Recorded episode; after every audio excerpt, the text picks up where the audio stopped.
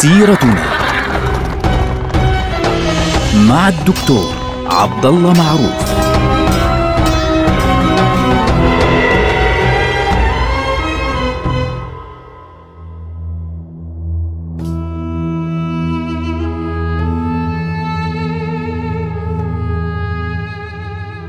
السلام عليكم ورحمة الله وبركاته. سيرتنا سيرة هذه الأمة العظيمة ونحن الآن في عهد السلطان ياوس سليم، سليم الأول. السلطان ياوس سليم وجد أنه لا بد من أن يصطدم بالدولة المملوكية اصطداما ثانيا كبيرا في معركة ثانية. هذه المعركة ستكون هذه المرة في القاهرة في مصر. طبعا طومان باي في المقابل لم يستسلم بسهولة. يعني هو رأى أن السلطان يو السليم يعني خلاص بدت الأمور عنده يعني توضحت أنه هو الذي سينتصر في أي مواجهة قادمة. ومع ذلك تومان باي استعد بكل قوته للقتال. أول شيء قام به آه، تومان باي استعدادا للقتال أنه جمع كل قوات المماليك التي يستطيع جمعها. وجهز هذه الفرق والفصائل وجهز مجموعات من الكتائب من المرتزقة يعني ناس بياخذوا فلوس حتى يقاتلوا. وذهب إلى منطقة البادية اللي هي يعني بين القاهرة وسيناء. ذهب إليهم وتكلم معهم وقال لهم يا جماعة أنا أعطي عن كل قتيل عثماني تقتلونه دينارا ذهبيا لهالدرجة يعني ذهب مقابل كل كل واحد يعني تقتلونه من هذا الجيش القادم. وأيضا جهز تحصينات كبيرة جدا حول مدينة القاهرة وجهز مدفعية. طبعا مدفعية بسيطة مش مثل مدفعية العثمانيين يعني شيء بسيط. والتحصينات كانت جاهزة تماما. كانت خطته تقوم على إرهاق العثمانيين لأطول فترة ممكنة في معارك قصيرة. بحيث إنه يجبرهم على أن يتراجعوا عن القاهرة باتجاه الصحراء ثم يبيدهم هناك لأنه هو تواصل مع البدو في الصحراء وبالتالي هو يعني يريد أن يصدهم عن القاهرة ثم يرسلهم في الصحراء فيموتوا في الصحراء أيضا على يد البدو هناك في ذلك الوقت من خلال هذه الاستراتيجية. لكن شو مشكلته؟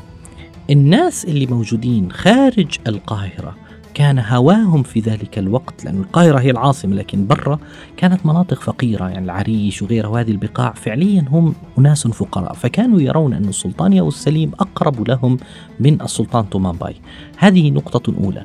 آه نقطة ثانية أن الناس كانت بالنسبة لها هناك اهتمام كبير بشخصية السلطان ياو السليم باعتباره حفيد السلطان محمد الفاتح الذي فتح القسطنطينية. وبالتالي يعني كان الرجل قد كسب احتراما كبيرا بين السكان. أضف إلى ذلك أن معنويات الناس في مصر في ذلك الوقت خارج القاهرة طبعا أنا بتكلم كانت يعني لا تبحث عن القتال. يعني هي معنويات ضعيفة عن القتال فعليا آه، في وجه الدولة العثمانية لأنهم رأوا أن دمشق سلمت بكل بساطة وحلب سلمت بكل بساطة والقدس سلمت بكل بساطة والسلطان ياو السليم يعني يلقب نفسه خادم الحرمين ولا يقتل أي أحد من الناس ولا يقوم بافتعال أي مشاكل ومن يعتدي على الناس من جنده ومن جيشه يعني فورا يضرب عنقه مباشرة. فالمبدأ أن المماليك خسروا خارج القاهرة إن صح التعبير. فلذلك بدأ يركز على القاهرة تحديدا. فلذلك سحب كل القوات إلى القاهرة وجهز منطقة اسمها الريدانية في شمال القاهرة تقريبا وحفر فيها خنادق مضادة للمدافع وحواجز وغيره. وبالتالي سيحاول أن يمنع العربات والخيول والفرسان والمدافع من الدخول إلى القاهرة خاصة أنهم بدهم يجوا من ناحية الشمال. أضف إلى ذلك أنه المساجين والعبيد كلهم أطلقهم ليسد هذا النقص في الجند. وحتى إنه يعني جند كل شخص قادر على القتال بالقوة، يعني حتى الأغنياء يعني كانوا يدفعون أموال لكي يعني يخرجوا من فكرة القتال فيرفضوا ذلك. وبالتالي يعني جند الجميع في هذا القتال. فجمع معه أربعين ألف مقاتل. هدول أربعين ألف سيواجهون جيشا قوامه مئة وثلاثون ألفا مع السلطان يوسف السليم طبعا مئة وثلاثين ألف هذه كانت المعلومة المعروفة في ذلك الزمان. يعني ذكرها ابن طولون آه، المؤرخ الدمشقي الذي تحدث عن دخول السلطان يوسف السليم إلى دمشق. وصل السلطان يوسف السليم إلى منطقة الريدانية وبدأ القتال هناك يوم الثامن والعشرين من ذي الحجة. من عام 922 للهجرة الموافق للثاني والعشرين من كانون الثاني شهر واحد 1517 للميلاد. بدأ القتال عنيفا ولم يعني يستمر يوم فقط وإنما يعني دام أكثر من يوم. بدأ القتال بكل شدة وبكل عنف في هذه البقعة. استمر القتال عدة أيام. طبعا طومان باي يعني قتل يعني الصدر الأعظم بيده سنان باشا. كان يظنه أنه هو السلطان ياو السليم ولكن طبعا طلع سنان باشا مش سلطان ياو السليم وكثر القتلى يعني سقط الآلاف من هنا ومن هناك.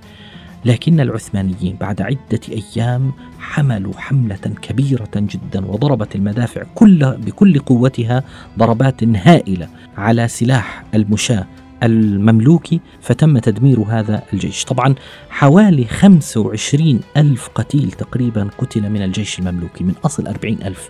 يعني إحنا بنتكلم عن كارثة كبرى. 25 ألف يعني يا دوب بقي 15 ألف واحد فقط. فتمزق الجيش وتشتت في كل مكان. فما إن جاءت نهاية شهر كانون الثاني وبدايات شهر اثنين اللي هو شباط حتى دخل السلطان يوم السليم إلى مدينة القاهرة. كان ذلك يوم السادس والعشرين من شهر كانون الثاني واحد 1517 يعني بعد أربع أيام من القتال العنيف والموافق للثالث من محرم من عام 923 للهجرة.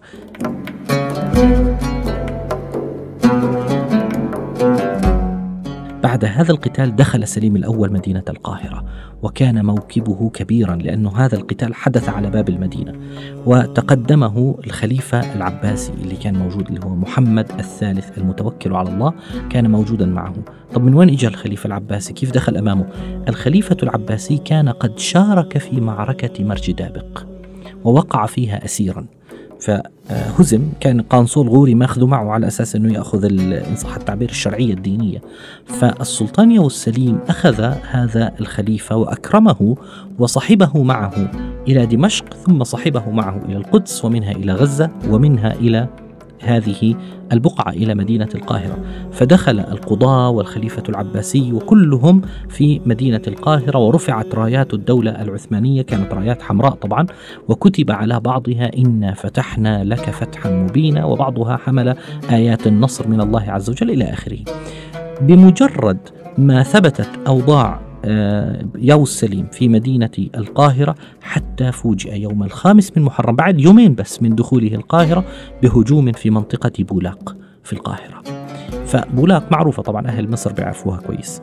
فهجم المماليك أو بقايا الجيش المملوكي الذي فر من أرض المعركة مع طومان باي على الجيش العثماني واشتعلت النار في معسكر الجيش العثماني. كادت القضية تنتهي فعليا بدمار الجيش العثماني لولا أن المقاومة العثمانية لهذا الهجوم كانت قوية جدا واستمرت المعركة في داخل القاهرة أربعة أيام بعد ذلك. وكاد المماليك في هذه المرحلة ينتصرون بالفعل حتى إنه في يوم الجمعة بعض المساجد في القاهرة خطبت لطومان باي. يعني خلص إنه كأنه انتهى الموضوع. علما إنهم الجمعة اللي قبلها كانوا قد خطبوا لسليم الأول. في هذه الجمعة يعني آه، خطبوا لطومان باي. لكن هذا الأمر لم يحسم المعركة فعليا فبدأ الجنود العثمانيون يهاجمون بالبنادق. هذه البنادق كانت جديدة اللي هي البنادق طبعا معروفة آه، بتحمل في ذلك الوقت مثل الحبات الصغيرة. يعني الرصاص مش رصاصة واحدة وإنما يعني توضع مجموعة من الرصاصات اللي على شكل دوائر صغيرة من الحديد ومن الرصاص وخلفها البارود فتطلق فتقتل بشكل آه، مباشر. فاستخدموا سلاح البنادق من فوق المآذن من فوق البيوت هاجموا المماليك وحدثت قتال عنيف في كل شوارع القاهرة ففر المماليك الذين كانوا مع السلطان آه، طومان باي حتى إن طومان باي هرب باتجاه جنوب القاهرة إلى منطقة بسموها البهنة. فبقي هناك يقاوم مرة ومرة ومرة وجمع حوله بعض الناس من الصعيد وأرسل بعد ذلك يتفاوض مع السلطان سليم الأول. كانت المقاومة عنيفة جدا لكنه لم يتمكن من الانتصار على السلطان يوم السليم. فأرسل إلى السلطان سليم الأول يفاوضه يقول له تعال يعني نتصالح ونرجع الأمور يعني نرجعها زي ما كان العرض قديما. فالسلطان مباشرة قال له يا السليم لاحظوا يا السليم ما عندوش مشكلة في حقن الدماء حقن دماء المسلمين. فقال له أنا جاهز ما عندي مشكلة. فكتب له حتى كتاب بالأمان وينتهي الأمر وأرسل وفدا بالكتاب إلى طومان باي لكن المماليك هاجموا هذا الوفد آه، مرة أخرى وقتلوا هذا الوفد. فسليم الأول خرج مرة أخرى. هنا غضب غضبا شديدا. أنه أنت بتيجي بتفاوضني. ثم تهاجمني بعد ذلك وتهاجم الوفد الذي يحمل كتاب الأمان اللي أنا يعني جهزته مني إليك. فخرج بنفسه والتقى معه مرة أخرى في الجيزة في يوم التاسع من شهر ربيع الأول. تخيلوا كم شهر إحنا نتكلم يعني حوالي ثلاث أشهر المقاومة هذه. آه، في عام 923 الموافق للأول من شهر إبريل أربعة من عام 1517 للميلاد. دامت معركة الوردان في الجيزة في ذلك الوقت يومين كاملين. هزم فيها طومان باي هزيمة كبيرة جدا وهرب باتجاه منطقة البحيرة. البحيرة بيعرفوها أهلنا طبعا في مصر فاستقبله أحد رؤساء الأعراب أصدقائه في ذلك الوقت في منطقة البحيرة ثم أرسل إلى السلطان ياو السليم يخبره أنه طومان باي عندي. فمباشرة أرسل إليه ياو السليم وقبض عليه مباشرة وجيء به إلى السلطان سليم الأول. طبعا سليم الأول لما رأى طومان باي يعني هو لاحظوا جننوا هلكوا. يعني مش يوم ولا يومين ولا ثلاثة نتكلم عن ثلاث أشهر كاملة من القتال المتواصل. من ساعة ما دخلوا في شهر واحد 1517 حتى شهر أربعة 1517 نتكلم عن ثلاث أشهر كاملة من القتال والعنف الشديد بين الطرفين. لكنه آه، ياو السليم كان معجبا بهذه الشخصية إنه والله هذا الرجل لم, لم يسلم بهذه البساطة. فأكرمه في البداية أكرمه وأجلسه إلى جانبه ثم عاتبه عتابا شديدا. قال له كيف تقتل رسلي الذين أرسلتهم ليفاوضوك؟ فتومان باي قال أنا لم أقتلهم قتلهم بعض جندي. نعم لكن أنا ما قتلته والواجب كان يحتم علي أن أقاتلك حتى الرمق الأخير. هذا الواجب. فسليم أيضا تذكر بعض الروايات أنه عاتب قال له لماذا لم تشتري ولم تجهز أحسن الأسلحة. شو الأسلحة هاي اللي معكم؟ لماذا لم تشتروا البنادق وتجهزوها؟ لماذا لم تصنعوا مدافع كبيرة؟ لماذا لماذا؟ فقال له يعني لا حاجة لنا بهذه الأسلحة. فقال له يا السليم آه، كما تذكر إحدى الروايات يعني وأين أنت من قول الله تعالى وأعدوا لهم ما استطعتم من قوة؟ أين القوة التي أعددتها؟ لاحظوا كيف الدولة العثمانية كانت تنظر إلى الإعداد وإلى القوة العسكرية وإلى أهمية الإعداد. فالمبدأ من خلال هذا الحوار كاد السلطان ياووز سليم إعجابا بشجاعة طومان باي كاد يعفو عنه. وعلى وشك أنه خلص يعني يجعله من خاصة رجاله.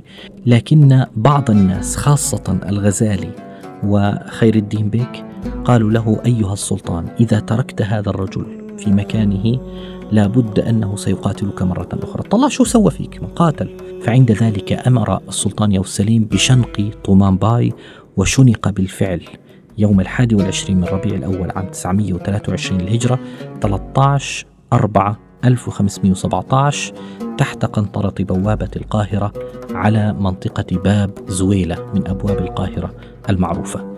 شنق هناك تومان باي وبمقتل تومان باي تنتهي الدولة المملوكية ويبدأ عصر جديد عصر الدولة العثمانية. نلقاكم على خير والسلام عليكم.